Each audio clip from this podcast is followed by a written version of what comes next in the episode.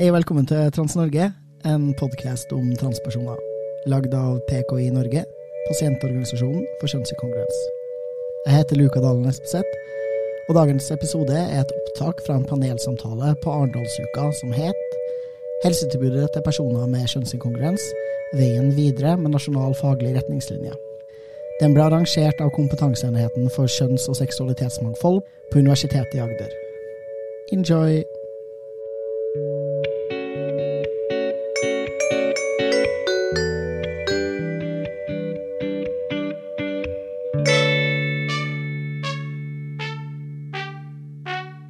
Tonje Moser, eh, og jeg er rådgiver ved Kompetanseheten for kjønn og seksualitetsmangfold på Senter for likestilling ved UiA.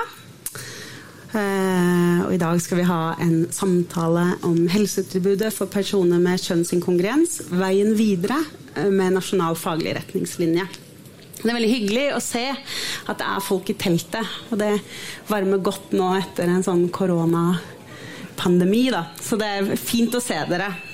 Um, og av litt nysgjerrighet så tenkte jeg man kanskje kunne gjøre en liten håndsopprekning for å se hvem dere er som har kommet hit da, på dette arrangementet. Og da lurer jeg på, er det noen fra Senter for likestilling her?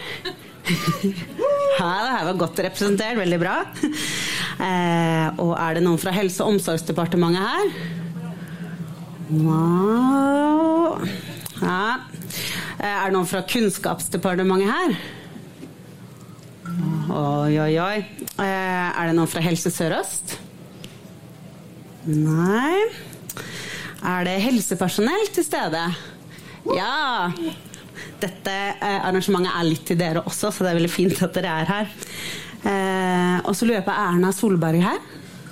Nei, må jo sjekke. Sikkert på streaminga.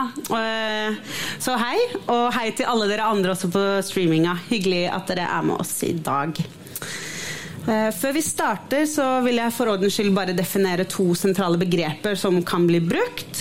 Eh, Og det er kjønnsinkongruens, som beskriver personer hvor et, eh, et individs opplevde og uttrykte kjønn ikke samsvarer med den kjønnskategorien det ble tildelt ved fødsel. En cis-person det er en person som identifiserer seg med det kjønnet de fikk tildelt ved fødsel. I 2018 ble diagnosemanualen til Verdens helseorganisasjon WHO revidert, hvorav WHO anerkjente at diagnosen transseksualitet ikke lenger anses som en psykisk lidelse. I den nye manualen ICD-11 er diagnosen kjønnsinkongruens tatt ut av kapitlet mentale lidelser og flyttet til kapitlet for seksuell helse. Ifølge psykolog Silje Håvard Bolstad utgjør dette et paradigmeskifte for den faglige forståelsen av kjønnsmangfold, hvor diagnosen ikke lenger er synonymt med sykdom. Kort oppsummert innebærer revideringen at kjønnsinkongruens ikke lenger anses som en psykisk lidelse eller en forstyrret kjønnsidentitet, og at det finnes flere måter å være kjønn på uten om den rådende binære kjønnsforståelsen kvinne og mann. Dette har konsekvenser for hvordan helsetjenesten skal og bør organiseres, hvem som skal ha tilgang til behandling, samt hva slags kompetanse helsepersonell skal inneha for å møte de forsvarlige kravene vedrørende helsehjelp til denne gruppen. Juni 2020 kom det nasjonale faglige retningslinjer vedrørende helsehjelp til personer med kjønnsinkongruens fra Helsedirektoratet. Disse retningslinjene har som mål å sikre et differensiert, desentralisert og helhetlig helsetilbud til personer med kjønnsinkongruens.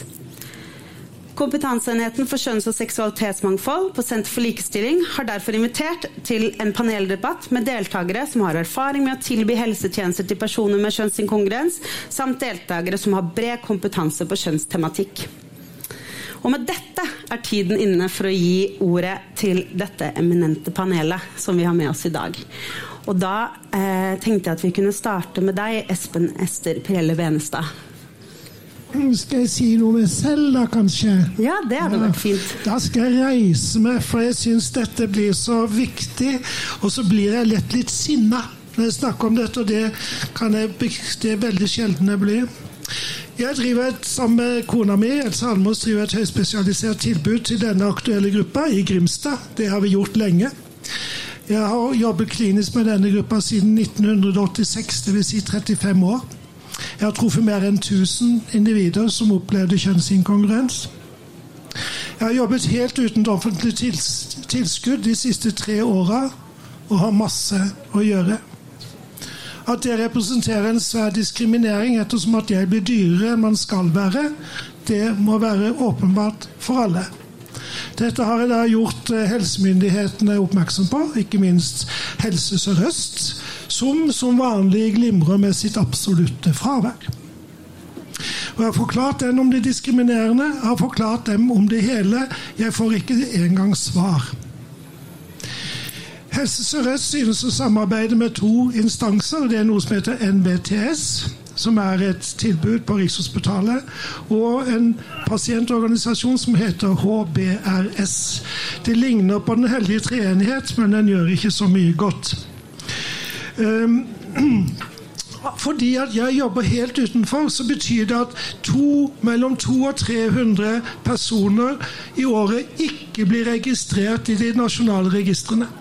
Slik at det som finnes av statistisk viten hva angår forekomst, det er feil.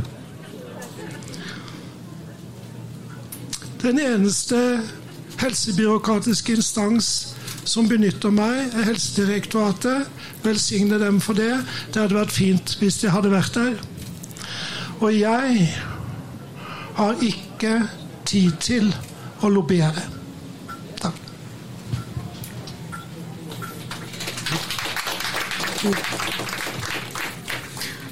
Ja, Miriam, vil du presentere deg selv? Hei, hei. Jeg heter Miriam Pedersen, og jeg jobber i Foreningen FRI. Foreningen for kjønns- og seksualitetsmangfold. Jeg jobber i fagavdelingen i FRI, som heter Rosa kompetanse. og Der jobber vi med kjønn og seksualitet som fagtemaer. Og det, det vi gjør der, det er bl.a. å reise rundt og gi kompetansehevingskurs om kjønn og seksualitet. I tillegg så er jeg da utdanna sosialantropolog, ble ferdig med doktorgrad i fjor.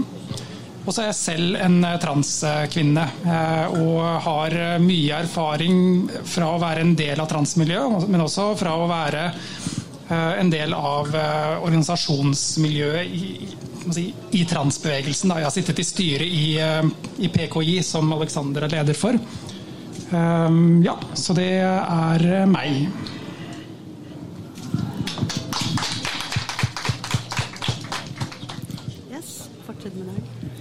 Ja, jeg kan introdusere meg selv. Uh, mitt navn er Alexander Sørli.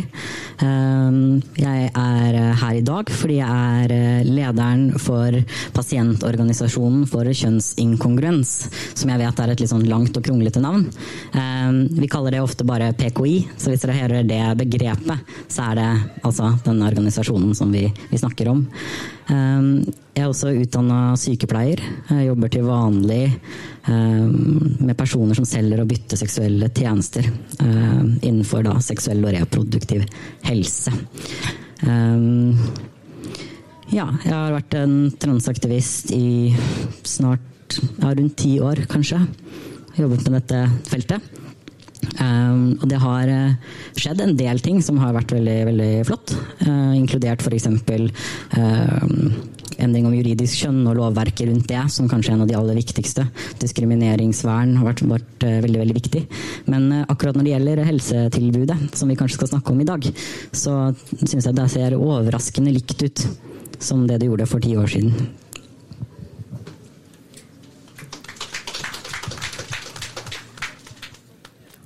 Da er sistemann ut. Ingunn. Ja, jeg heter da Ingunn, og min faglige bakgrunn er som helsesykepleier og spesialist i sexologisk rådgivning. Jeg er da leder på Helsestasjon for kjønn og seksualitet, som har vært i ti år. Og vi er et offentlig, litt sånn spesialisert lavterskeltilbud i Oslo kommune som jobber med seksuell helse og innenfor kjønn og seksualitetsmangfold.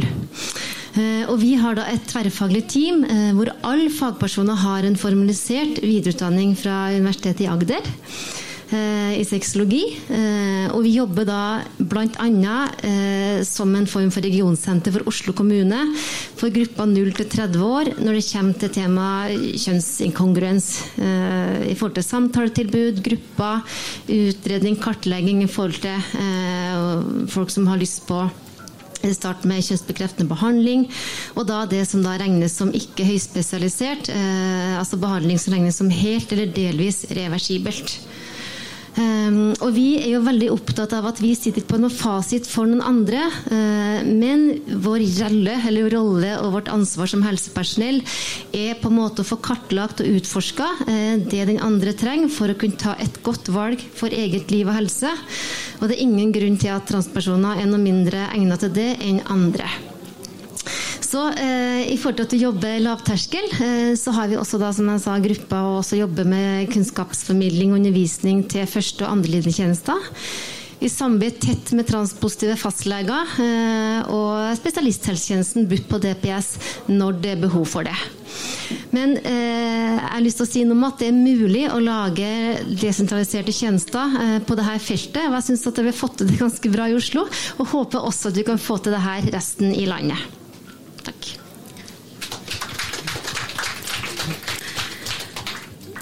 ja, som ingen sier, så er det da i forhold til disse faglige retningslinjene, så er da et av målene å opprette eh, regionale sentre som kan gi helsetilbud. Um, og det man må spørre seg om da, er jo hva slags helsetilbud er det da snakk om? Eh, som personer med kjønnsinkongruens trenger, og hva kan og bør tilbys på disse regionale helsesentrene. Eh, kan vi kanskje begynne med deg, Aleksander? Eh, ja. det er jo på en måte to separate spørsmål. litt. Den ene er på en måte hva slags type behandling er det eh, måte, som man tilbyr da, eller ønsker å snakke om. Jeg skal ikke gå inn på måte, alle detaljene på det. Eh, men hvis man skal måte, dele det litt opp, da, så kan man si at eh, en del av behandlingstilbudet er hjelpemidler. Så det er på en måte ikke-medisinske tiltak. Da. Ting som ikke er medisiner eller hormoner. Eh, Sånn at det kan være f.eks. Eh, proteser, eller brystproteser eller penisproteser. Det kan være eh, ting som, noe som kalles som binder, som holder på en måte bryster altså gjør brystet flatt da, hvis man har pupper f.eks. Eh, man har også eh, Hårfjerning er et eksempel på noe som kan eh, tilbys, og som er på en måte veldig si, lavterskel. Da. Eh, så kan man måte, gå litt eh, oppover, så har man ulike former for eh, hormoner. For de aller yngste så er det snakk om f.eks. Altså pubertetsutsettende hormoner. Det er rett og slett noe som gjør at man Altså det endrer ikke kroppen, det bare gjør at man ikke Så lenge man står på det, så går man ikke gjennom sin naturlige pubertet. Eh, så er det snakk om testosteron eller østrogen, og i eh, varierende eh, grad også måte andre former for behandling rundt det. Da. Men vi kan si, kalle det på en måte feminiserende hormonbehandling og maskuliniserende hormonbehandling. Det er behandlinger som en måte skal endre kroppene da, i en mer eller mindre feminin eller maskulin retning. Så er det kirurgiske tiltak. Noen av de er på en måte relativt små, egentlig. Um, særlig da det å fjerne bryster eller det å få bryster. Um, og noen former er mer spesialiserte, sånn som f.eks.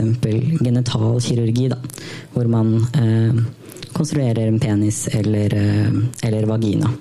Så fins det litt uh, andre ting også, men jeg tenker kanskje ikke vi skal gå veldig inn på alle de forskjellige formene for kirurgi. da, sånn sett. Eh, de regionale tiltakene eh, Eh, ja, det, det, er jo, si, det, er jo, en forskjell også på hva vi tenker at de bør ha, og hva som er i retningslinjene. Retningslinjene er på mange måter et eh, kompromiss.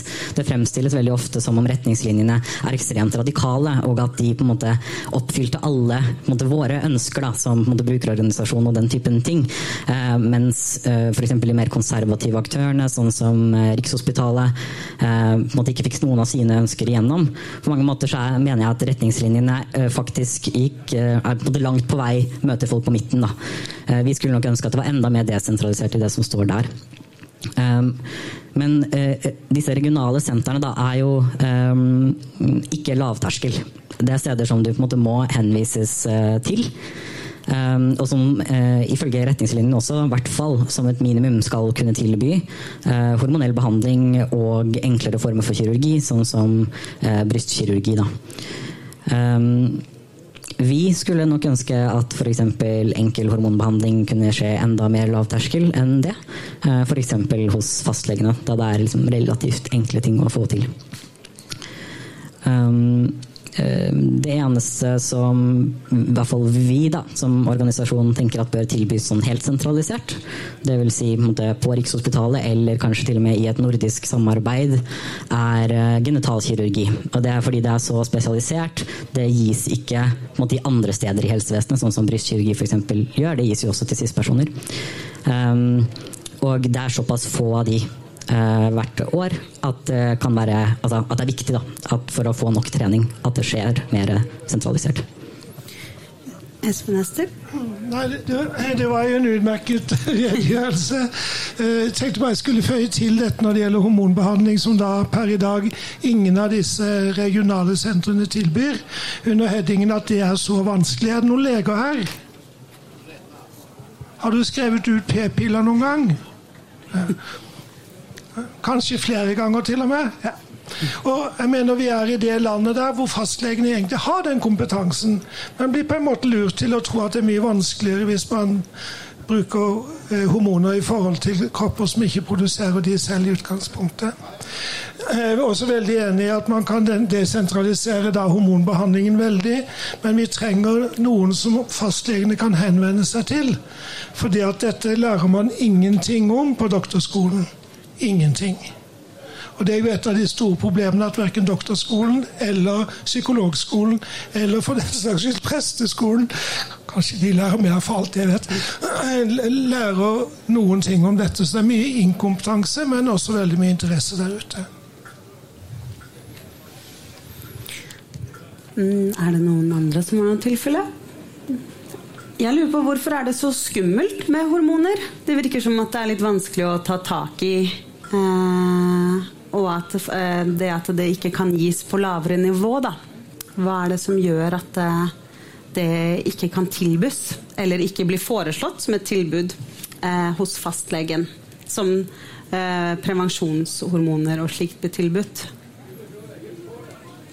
Kanskje vi nærmest å svare på det også. Det, det finnes noen hellige kuer i vår kultur. Eh, og en av de hellige kuene, eller kanskje to, det er jo da kjønnstodelingen. Og i det øyeblikket vi begynner å berøre det, for det gjør man ikke ved prevensjon. Men i det øyeblikket vi liksom begynner å berøre en hellig ku som heter kjønn, så blir det en følelsesmessig reaksjon. Det er ikke noe faglig, det er ikke noe vanskelig, men man blir redd for å påvirke noe som, som vi på, på på underlig vis har lært å holde veldig hellig. Og jeg, og jeg, har jo forståelse for det og sans for det, men noen ganger må vi lære oss å se forbi. Vi må se at her er det ønsker og behov som er så fundamentale og så viktige for den det gjelder, at det ikke er forbundet med et fullverdig liv å ikke få det. Ja, det, det, er jo noen som gjør det, da. Jeg tenker jo f.eks. HKS. Eh, gir jo behandling, eh, hormonbehandling på, altså virkelig på lavterskelnivå. Da.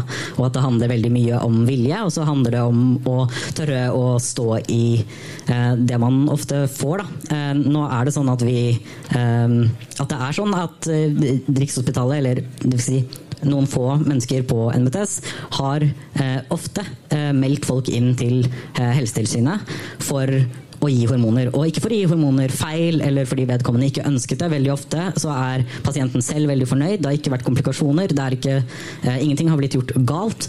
Eh, veldig ofte så konkluderer også Helsetilsynet med at det ikke har skjedd noe som er verken ulovlig eller klandreverdig.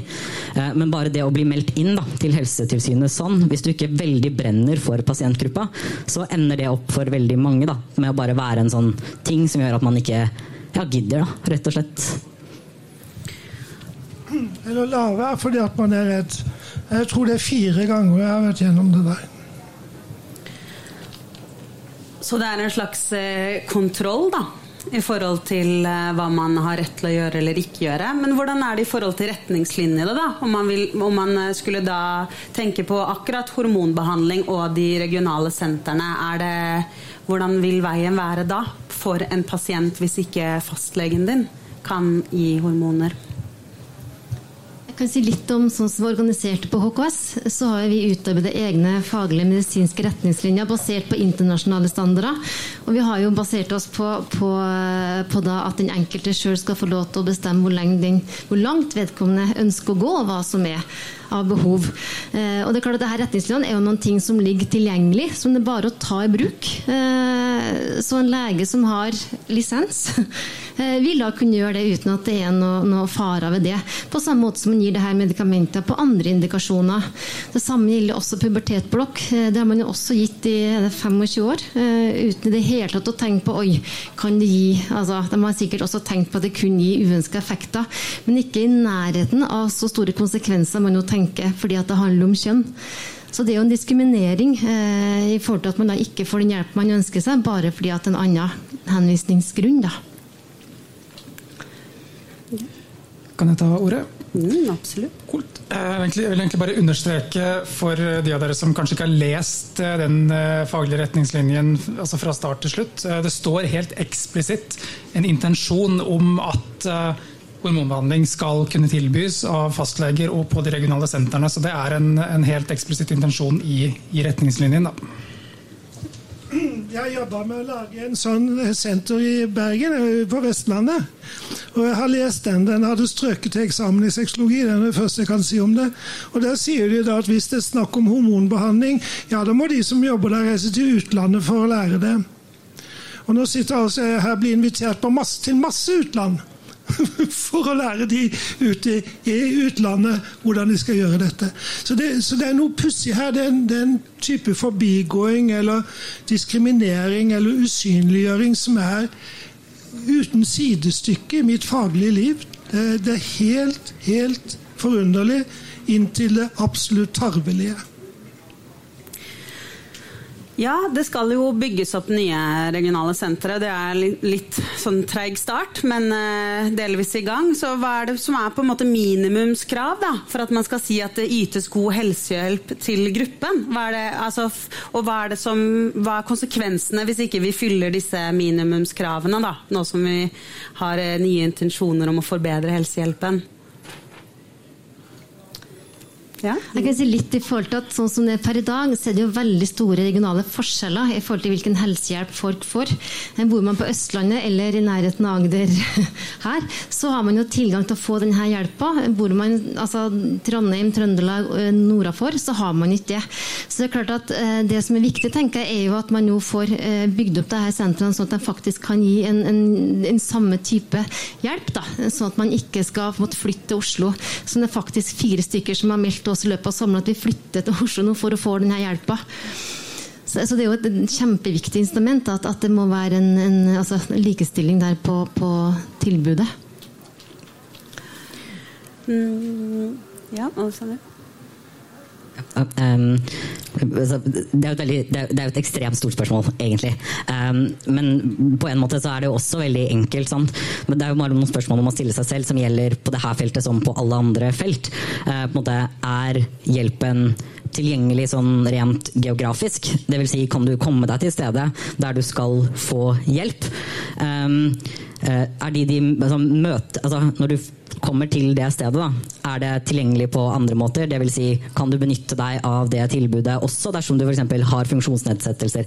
Også dersom du ble født i et annet eh, land enn Norge, kanskje ikke snakker norsk veldig godt. Um, dersom du er ikke-binær, altså blir du da ikke diskriminert i løpet av dette behandlingstilbudet? Og ikke minst får du hjelp innenfor rimelig tid. Det vil si, altså, må du gå i mange mange år da, for å få hjelp som du trenger uh, nå? Eller kan du få den hjelpen når du faktisk har uh, behov for den?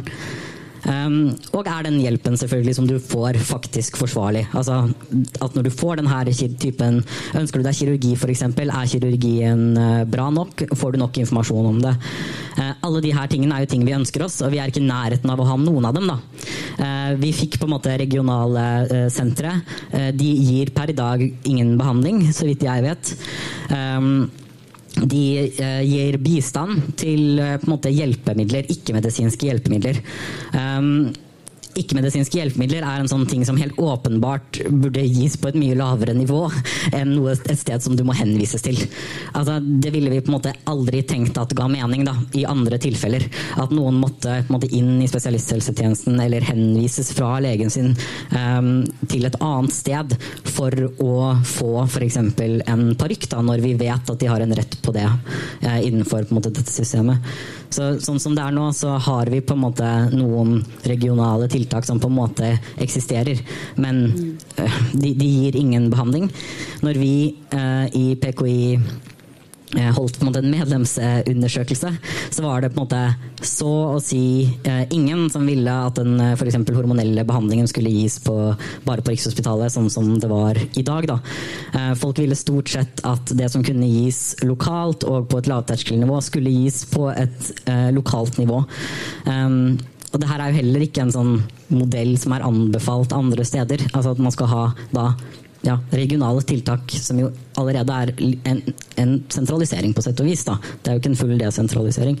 Men når de da ikke engang gjør det de var på en måte intendert til å gjøre altså de, Det ligner ikke engang på det de var intendert til å gjøre. Um, så tenker jeg at eh, ja, vi, vi, snakker om en voldsom svikt i det her behandlingstilbudet som ikke blir tatt tak i. Retningslinjene ble laget spesifikt fordi tilbudet nettopp var så dårlig da, at man trengte en retningslinje helt tydelig som sa nøyaktig hva man skulle gjøre. Um, den blir jo ikke fulgt, og da er vi på en måte like langt. Da. Det hjelper ikke å ha en retningslinje som ingen bryr seg om, og ingen gidder å håndheve. -huh. Er det noen kommentarer på det, eller er det en sånn fint punkt? Nei, jeg sier bare hør, hør. Jeg får fortelle en liten anekdote. for 13.10.2019 så var jeg invitert til å holde en sexologidag for 35 norske leger i psykiatriutdanning. Det var jo fint. Og det sa jeg selvfølgelig ja til. Jeg begynte den dagen med å spørre om det var noen av disse i sin lange utdannelse som hadde lært noen ting om kjønn og seksualitet. Det var det ingen som hadde. Jo, det var en som hadde to timer. Det neste spørsmålet mitt det var Tror dere at kjønn og seksualitet er av betydning for psykisk helse? Ja, det trodde alle. Og jeg syns det på en veldig enkel måte beskriver hvilken situasjon vi har. Dette har vært overlatt til psykiatrien i stor utstrekning, og ære være den for det den kan men ikke erverv den fordi at de tar på seg det de ikke kan. Og det, det, har jo vært en god del av dette problemet. Så min utfordring til psykiatrien er å be om unnskyldning, og så gå på kurs. Da tenker jeg at eh, det også er fint å snakke om um det at vi faktisk har behov for en sentralisering, det ble jo nevnt med genitalkirurgi. Eh, og hva innebærer egentlig en sentralisering av et helsetilbud i forhold til eh, ulike tilbud, da? Eh, vi kan starte med deg, Espen Ester. Det er ikke tvil. Jeg har spurt mange uh, kirurger som jobber med dette. med uh, Sist gang med en som heter Marcy Bowers, som jeg traff i Gøteborg nå nettopp. Og jeg spør hvor mange for å ha dette i fingrene. Hvor mange må dere operere i året? Og det laveste antallet jeg har fått, er 50. Marcy opererte 140, og hun sa I want to make the most beautiful vulva every time. Og Hun forteller noe Hun forteller noe om antallet, og hun forteller noe om hvilken kjærlighet hun legger i det hun gjør. Og Begge de tingene er innmari viktig også når man skal gjøre håndverk. Du må gjøre det ofte, og du må ha kjærlighet til det du gjør. Ja, så hvor kunne et sentralisert eh, tilbud da ligget, da? Eller hvordan ville det sett ut i forhold til eh, som pasienter som blir henvist fra Norge? Eh, ja, altså, altså, nøyaktig på en måte hvordan det ville sett ut eller hvor det ville vært, eh, det er på en måte ikke en sånn detalj som vi har eh, lagt oss opp i. Det kunne også hende at det f.eks. var på flere steder. Um, genitalkirurgi er komplekst, det finnes mange forskjellige former for det. Man kunne fort sett for seg f.eks. at det var e-, et tilbud eksempel, ved et av de største syke, større sykehusene da, i, i, Sverige som spesialiserte seg på type vaginoplasti, og si et annet sted i Norge eller Danmark Danmark eller noe slikt noe som spesialiserte seg på falloplassi osv. Så videre. sånn at det finnes mange former for kirurgi. Da. Det viktigste er jo akkurat det som Espen Ester jo sa her, altså øvelse gjør mester, på en måte. Eh, og man får ikke nok øvelse, da. Eh, sånn som det er, er i dag. Så måte, det handler bare om ja, en, kanskje en, del som, en ting da, som snakkes lite om, fordi man i all hovedsak har vært opptatt av liksom, denne gatekeepingen og alt dette her. Men eh, transbevegelsen er også opptatt av at den behandlingen som gis, skal være forsvarlig. og dette er en av måtene vi mener at den skal være forsvarlig på. vi opplever i PKI at de tilbudene som finnes når det gjelder genitalkirurgi i Norge, er ganske dårlige i forhold til det som gis i andre land. Det betyr ikke at det ikke er livreddende og kjempebra for veldig mange å få. men når det gjelder hva de kan tilby, f.eks. Av, eh, av seksuell funksjon og en del sånne type ting, eh, så er det betydelig eh, mindre valgmuligheter som du får her, her, i Norge. Og vi har også måte, bistått folk som har hatt betydelige komplikasjoner, og har inntrykk av at det skjer si, oftere her enn en andre steder. Så vi vil, vi vil at den behandlingen skal være forsvarlig, rett og slett. Ja, og det er det øvelse gjør mester, er egentlig kanskje et litt fint ord eh, til eh, det andre spørsmålet jeg vil stille dere nå. Og det er i forhold til at jeg vil ned på regionale sentrene igjen. Hva om, hva om, du har en fastlege, da, og så har du den ene, ene personen som kommer til deg, og så har du egentlig ikke møtt på dette før. Og da tenker jeg, hvordan kan man unngå at det blir så store forskjeller, og at man må på en måte ha eh, transvennlige leger, eller, eller, slik at man må ha et slags sikkerhetssystem. Hva, hva er det vi kan gjøre for å unngå det? Og hvordan kan vi unngå store regionale forskjeller når helsesentrene er opprettet? Det sies på en måte det at ja, hva, hvor er veien nå, da? Hvis ikke det er bra nok? Um, ja, Ingunn, da Si litt om, eh, om, det i forhold til det med Det som, som, jeg personlig opplever som proppen nå, er jo nettopp Helse Sør-Øst, eh, som ikke følger de retningslinjene som faktisk er, er lagt. Sånn som ICD-11, eller som baserer seg på ICD-11 og, og Standards of Care. Så jeg tror at det her forskjellene vil forsvinne hvis man nå på en måte faktisk følger det her eh, retningslinjene som ligger i bånn. Og at man også blir møtt av, av transpositive hjelpere som syns at mangfold er bra, og, og som heier fram det. og som, som blir glad på andres vegne og begeistra over det som det store bildet, da, eh, istedenfor å putte, ikke, putte inn i det binære de binære forma. Så det i forhold til kvaliteten tror jeg ikke er noe problem eh, på sikt, så lenge at, at, det blir fulgt. Eh, og vi er jo så heldige at vi får samarbeid med veldig mange fastleger altså i hele Norge. Selv med et kommunalt tilbud. så er det sånn at vi deler jo den eh, faglige litteraturen som vi har utarbeida, eh, som du også har vært med på. Og, og, vi har også en endokrinolog hos oss som har vært med og gjort det her i, i team, eh, sammen med, med legen hos oss. Og det deler jo vi fritt, eh, og man er hjertelig velkommen til å ta kontakt med oss når det er spørsmål knytta til denne behandlingen behandlinga. Og min erfaring er jo at en fastlege kan si at det har jeg aldri gjort før, men, men det her kan ikke være så vanskelig. Og så er det jo sånn som vi var inne på i sted, at, at det her er jo ting som har blitt gjort på andre indikasjoner. Man har jo gitt det her typen hormoner på, på, på andre, og det har jo gått helt fint. Eh, det er klart at Vi skal være obs på en del ting i forhold til fertilitet og informere om ting som kan på en måte være eh, irreversibelt. Det skal vi alltid gjøre. Vi skal gi på en måte alt det vi kan av kunnskap knytta til forventninger. Eh, hva om det ikke blir sånn som du ser for deg? Hva om du endrer opplevelse i fremtida? Hvordan skal vi forholde oss til det? Alle sånne ting er det jo kjempebra at vi reflekterer rundt. Men fastlegen sin rolle tenker jeg blir jo å starte opp da, med denne behandlinga etter at man har fått, fått snakka med noen som har transkompetanse, eh, eller sexologisk kompetanse, først. Så det fasiliterer på en måte, på en måte da, eh, iverksettelsen av den medisinske biten. Og så har man da mulighet for psykososial oppfølging hvis man har ønska behov for det andre steder. Hvis det var klart. Mm. Ja. Jeg tenker, Noen variasjoner vil man alltid ha. Da. Eh, fastleger er som alle andre. De har på en måte kompetanse i litt uh, forskjellige ting. Um, og uh, sånn som det er i Norge, i utgangspunktet, så har man som lege ganske mye makt, egentlig, til å selv ta en vurdering på om man har kompetansen til å gjøre noe eller ikke. Det stoler vi stort sett på at, at leger kan gjøre i de fleste andre tilfeller. Har noen kompetanse, så har de kompetanse. Da kan de måte, gjøre det selv.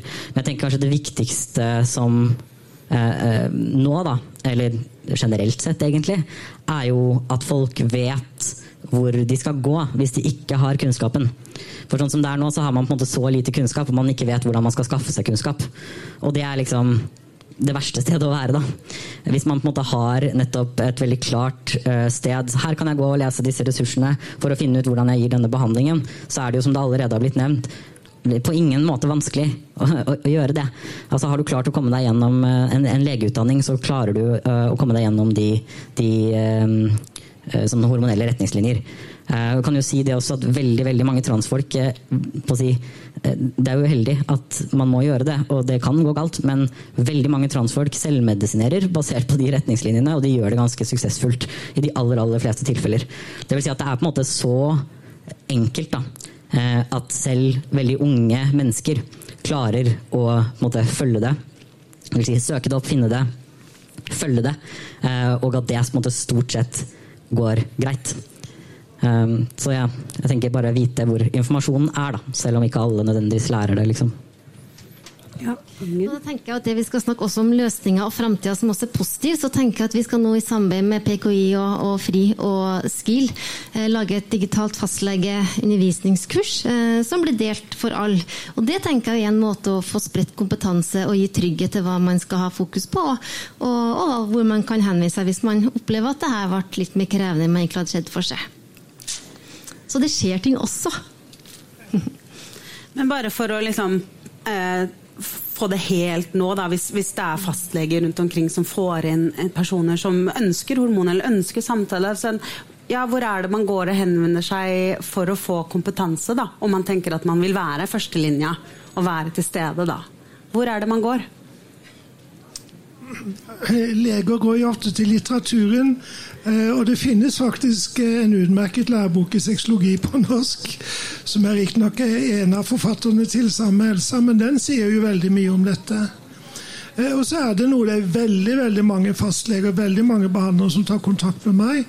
Og jeg har også samarbeid med masse fastleger. Slik at eh, de linjene der funker relativt bra, og godt støttet nå av covid-epidemien, så er det jo en økende antall som vi bare har digital kontakt med, sånn oppe i Kirkenes og sånn, litt langt å reise til Gimstad. Men alt dette, det, det, det funker for så vidt eh, veldig greit. Og det som jeg vil si, hvis man får en en person med et åpenbart transtalent på, på kontoret sitt Det første du skal spørre om, det er hvilket pronomen vil du at jeg skal bruke om deg her? Hvilket navn vil du at jeg skal bruke om deg her? De to enkle spørsmålene skaper allianse, tror jeg, nesten med en gang. Mens hvis man sier liksom hele tiden 'hun' øh, fordi at vedkommende tilfeldigvis ble tildelt hunnkjønn ved fødselen, så får man ikke allianse. Så det, det er liksom sånn veldig, veldig, veldig enkle greier. Og, og, så kan jo altså Jeg har lært vanvittig mye av mine klienter, og det kan vel andre doktorer også gjøre. Og så tenker jeg også at Det er så mange sexologiske rådgivere som nå er utdanna, som er spredd rundt omkring i landet, som bare har lyst til å komme i gang og, og, og få lov til å jobbe på feltet. Da. Eh, jeg var i Trondheim i forrige uke, eh, og der sier man vi har lyst, vi kan, men vi på en måte trenger å få myndighet og, og få lov da, til å komme i gang og få etablert disse sentrene. Det er jo positivt at det er en vilje. Eh, jeg tenkte vi skal stille, snakke litt om personer under 18 år i dag. Eh, og eh, hvordan kan man sikre at de får et godt helsetilbud og oppfølging, og da også særlig med desentraliseringen. Da begynner vi med PKI. Ja. Svaret mitt der vil det ligne litt på de andre. Da. Eh, på den måten at jeg tenker at eh, Det aller aller viktigste er at vi behandler eh, disse barna og ungdommene på samme måte som vi gjør med alle andre barn og ungdom som er i helsevesenet. Igjen så er på en måte det store problemet her er at det er en diskriminering av pasientgruppa. Som gjør at man lager helt andre regler for transfolk enn man gjør for alle andre. Um, et klassisk eksempel på det er jo f.eks. at hvis du er en, en cis-gutt og du utvikler uh, bryster, noe som heter gynekomasti, så kan du gå og få det fjernet uh, når du er under 18 år uten noen som helst form for utredning. Bare fordi du selv syns at det er ukomfortabelt, og det er på en måte helt uproblematisk. Er du en transkjønna gutt som har lyst til å fjerne dine bryster, så er det ekstremt vanskelig å få til, selv om du eventuelt har gått i utredning i typ fem-seks år. Altså har visst dette her hele, hele ditt liv. da. Um, det er bare diskriminering. Det er ikke noe mer irreversibelt å gjøre det med en, måte, en transgutt enn det er mot en cis-gutt. Um, sånn som det er nå, så forholder man seg veldig mye til en tanke om f.eks. absolutte eh, aldersgrenser. Det også er veldig veldig, veldig rart når det gjelder den typen behandling som dette er. og det vil si at det er, eh, Dette er ikke på en måte, på si, kosmetisk behandling, det regnes som nødvendig helsehjelp. Da. Eh, og nødvendig helsehjelp gis ikke etter aldersgrenser. Eh, det gjør man så å si aldri eh, på noen andre på måte, felter. Da tar man heller vurderinger som er en måte age appropriate. da Eh, hvor man vurderer måte hvor eh, Ja, når er det forsvarlig eh, for dette individet?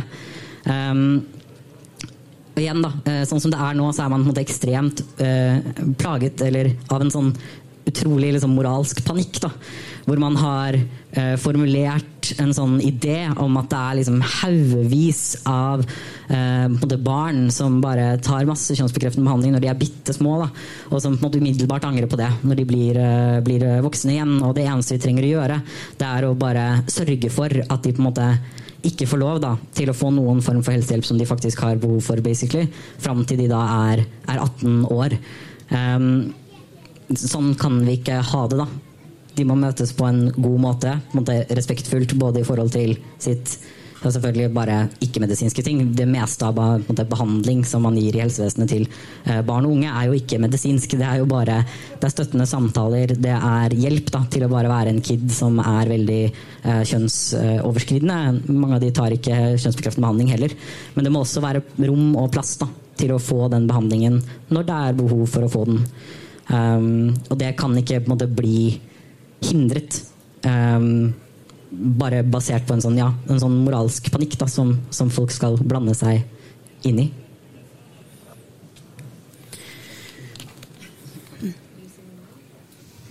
Så hvis jeg gjør en liten spørreundersøkelse Hvor mange i dette rommet tror det er mange som angrer på sånn behandling?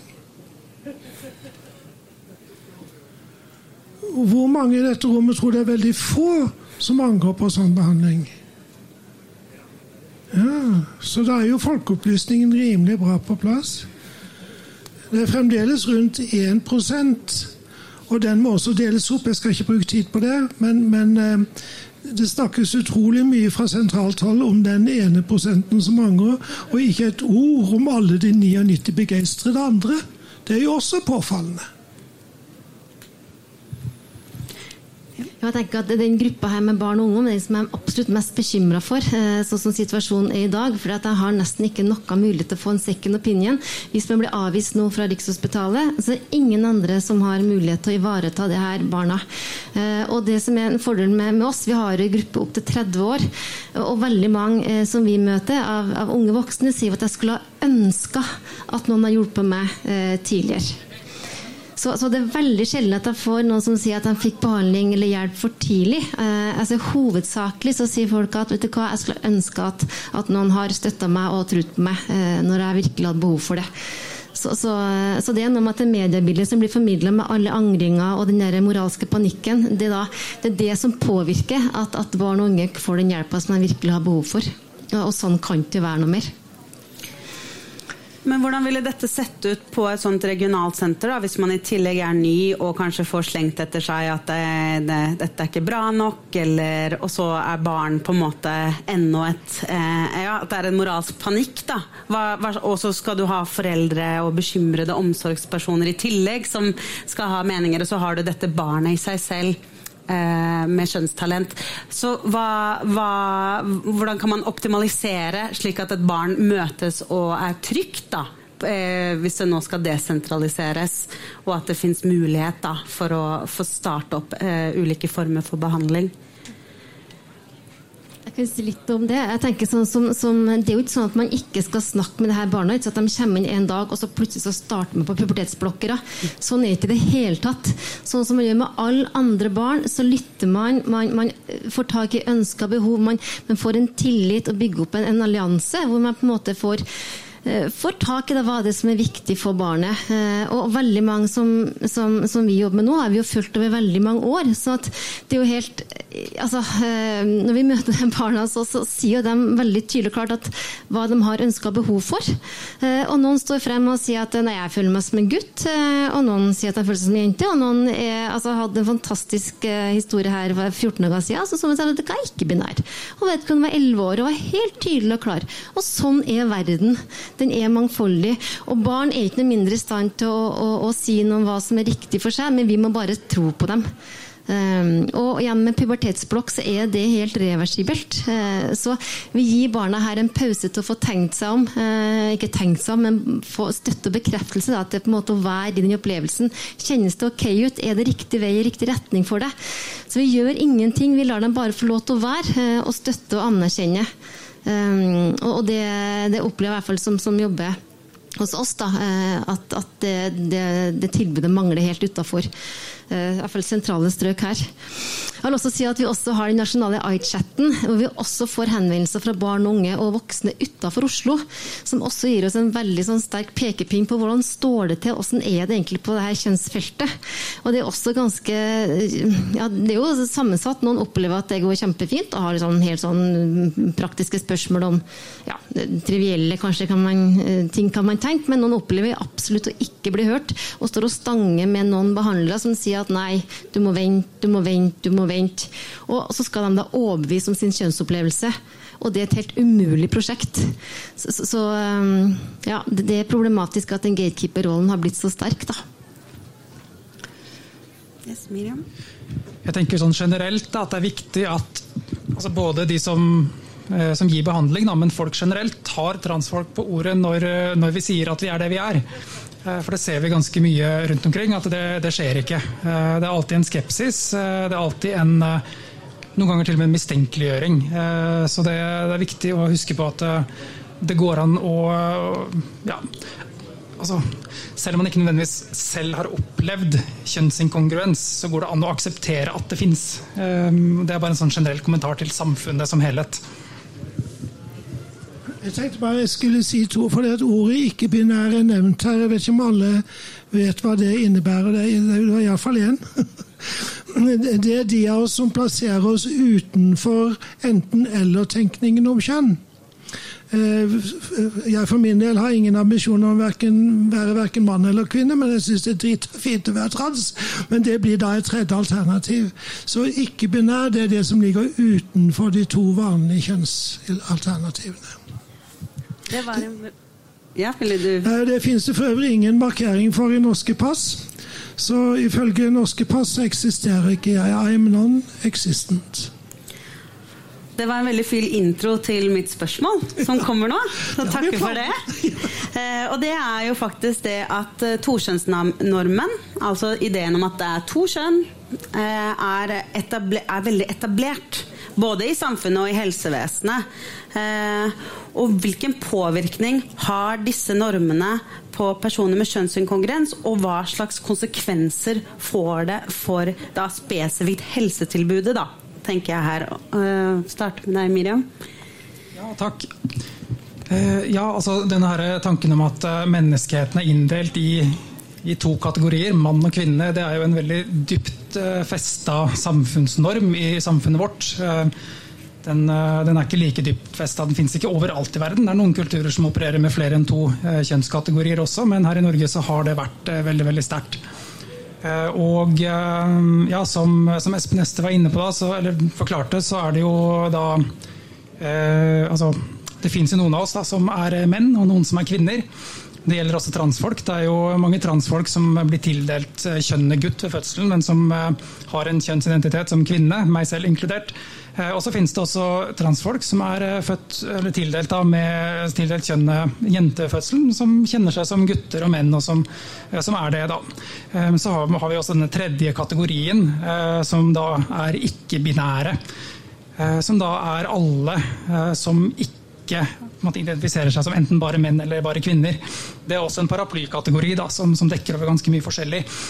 Eh, men jeg vil si at kanskje den, eh, den sterkeste måten denne tokjønnsnormen eh, viser seg da, i det offentlige behandlingssystemet for, for, transpersoner i Norge i dag, det er jo det at hvis du kommer på, på Rikshospitalet og sier at jeg er ikke-binær, så, så, får du ikke behandling. Da blir du blankt avvist.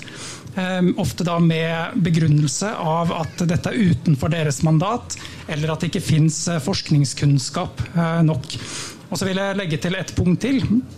Ehm, tokjønnsnormen henger jo også veldig sterkt sammen med altså kjønnsnormer generelt, da, kjønnsroller. Og det er også noe som vi har sett da, si, både i FRI og i PKI og i transmiljøet generelt. at eh, når man vil ha eh, kjønnsbekreftende behandling eh, og kommer til, til Rikshospitalet, ehm, så forventes det at man skal leve opp til en ganske stram og trang Eh, hva skal man si, et, et ganske stramt, stramt bilde av hva en mann eller en kvinne skal være. Uh, man må performe en viss type maskulinitet eller femininitet da, gjennom f.eks. klær, gjennom eh, måte å snakke på, gjennom måte å bevege seg på. Um, og hvis man eh, på en eller annen måte bryter med noen kjønnsnormer i f.eks. måten man uttrykker seg på da, gjennom, gjennom f.eks. klærne sine, så, så brukes det mot en. Eh, så det var egentlig det jeg ville si. Eh, er det noen flere her som vil si noe? Jeg sitter og ler litt, for eh, hvis alle dere der ute ble stilt til doms på Rikshospitalet etter de normene de har for kvinner og menn, så ville 30 av dere bli avskiltet. Og jeg sier ikke det for å være morsom, selv om det er litt morsomt. Det er en bitter realitet at, at sånn er det. Så, så, så vi har et, et helt forskrudd og, og, ganske merkelig system. Og Det som jeg har lyst til å fremme, som er, alt, som er for tiende på toppen av mitt hode, on top of my head, det er at vi som kultur har et cis-ideal for trans. Jeg kan ikke bli cis. For det ville bety at jeg var i samsvar med det kjønnet jeg fikk tildelt ved fødselen. Men jeg forventet at det skal passere. Det vil si, jeg skal gå gjennom dette rommet, og så skal dere tro at det var en cis-kvinne som gikk forbi. På kinoen heter det 'Mission Impossible'. Så tenk litt på det. Det er så dramatisk ille. Og, og hver og en må gjerne ha et cis-ideal for seg selv. Det har ikke jeg noe, noe interesse av å si noen ting imot. Men at vi som kultur har det, og at Rikshospitalet har det, det kommer det til å skrives mange stygge ord om i medisinsk og psykologisk historie. Så kanskje egentlig at transpersoner gjør en jobb for oss cis-personer òg, da. Som å slite med cis-idealet. Det var et nytt begrep for meg. Jeg syns det var et veldig bra begrep. Ja. Jeg tenker også som eh, Definitivt. Ja, jeg ser jo det at det har, transdebatten påvirker eh, altså kvinner med maskulin, eh, maskulin måte å være på, slik som meg. At jeg har også blitt på en måte eh, stoppet i, på do. Det har jeg ikke blitt før. Men det har også blitt nå. Så det er også veldig sånn at man skulle begynne med å ja, begynne å, At jeg må leve under et cis-ideal, da. Men det, takk for et fint begrep. Det skal jeg ta med meg. Yes?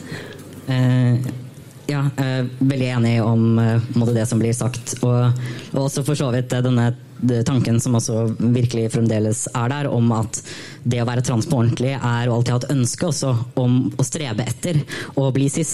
Eh, men det er ikke alltid det det betyr. Altså for, også for måte, de, de, binære, da, folk som, oppført, eh, som er på en måte, transmenn og transkvinner. Det er ikke gitt at alle de går og tenker det jeg vil er egentlig å bli, bli cis. Da.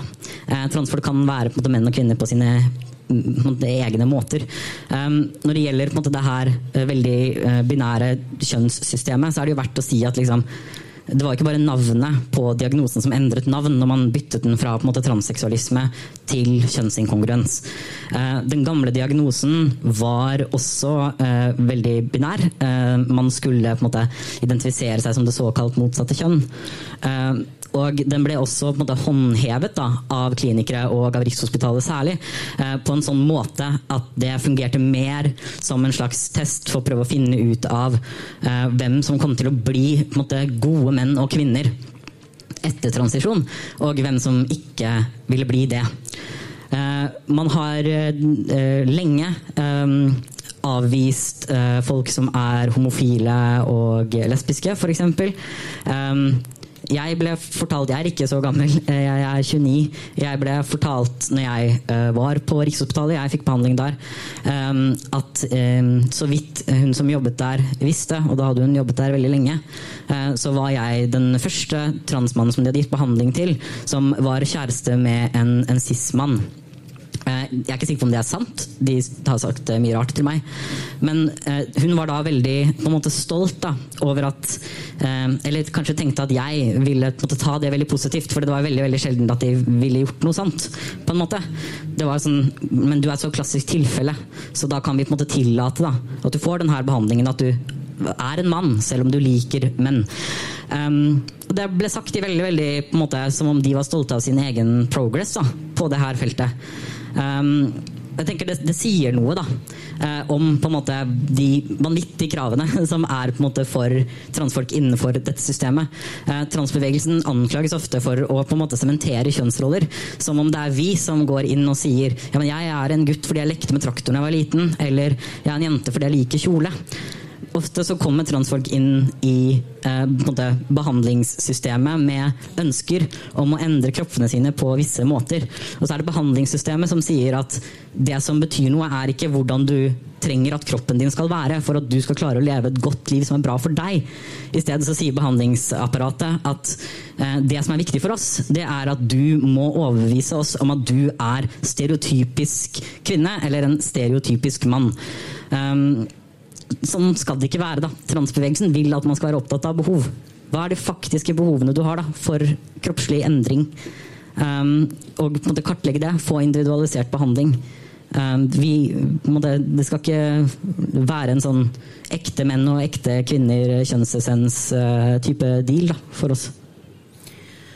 Ja, det var en veldig fin måte å si på. Jeg tenker bare eh, tilbake til det her med cis-ideal. Hvis man er cis-person og ikke blir utfordret på kjønn da, eh, annet enn at man egentlig kanskje alle cis-personer blir jo egentlig utfordret på kjønn hver dag, det, men at man ikke eh, får konsekvenser. Hvordan kan man som helsepersonell på en måte eh, få et større rom, da, og få, få en sånn mer eh, Ja, tillate seg kjønnskreativitet og tillate seg til å møte personer Eh, med et åpent blikk. Hvordan kan vi gjøre det når vi er på en måte så sementert som vi er, da?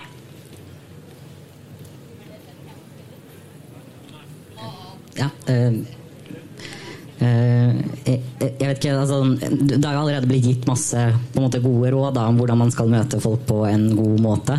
Her tenker jeg for så vidt også at retningslinjene faktisk er ganske gode når det gjelder hvordan man skal prate med. Jeg tenker at Det er faktisk en av dens eh, største styrker. Den gir veldig veldig konkrete, praktiske råd på hva det vil si å møte transfolk med respekt, bl.a. rundt hvordan man skal omtale og skrive om kropper og måte, journalføring og den der typen ting. Så tenker jeg En god måte, huskeregel eh, kanskje er jo altså, En ting er at du trenger ikke å forstå alt for å måte, respektere det. Det går bra. Du trenger ikke å ha en intuitiv forståelse i magen din hele tiden da, for å måte, bare tro på noens smerte eller tro på noens opplevelse.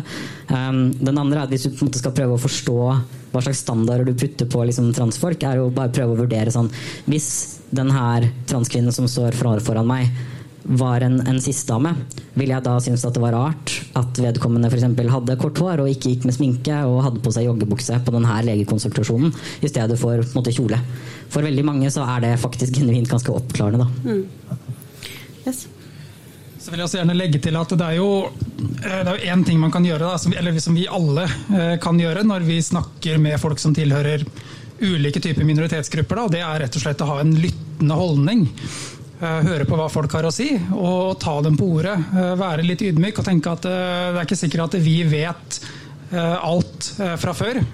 Og faktisk da lære av de vi snakker med. Men da må vi ha denne lyttende holdningen, denne åpne holdningen, tenker jeg da. Nå er, det, nå er, vi straks i, tom for tid her, så jeg tenker at bare som en sånn liten oppsummering, om dere har noe sånn spesifikt dere tenker til helsepersonell og generelt folk som møter på Transfolk, hvordan eh, hva som være viktig da, for å, å, gi god helsehjelp og på en måte være, være en lyttende person og alliert? Sett aldri spørsmålstegn ved andres lykke hvor snodig den enn måtte være. For når det kommer til stykket, er det alltid noe å lære. Jeg tenker at vi avrunder der, at det var så fint i seg selv. Tusen hjertelig takk for at dere kom, og takk til dere som kom og hørte på.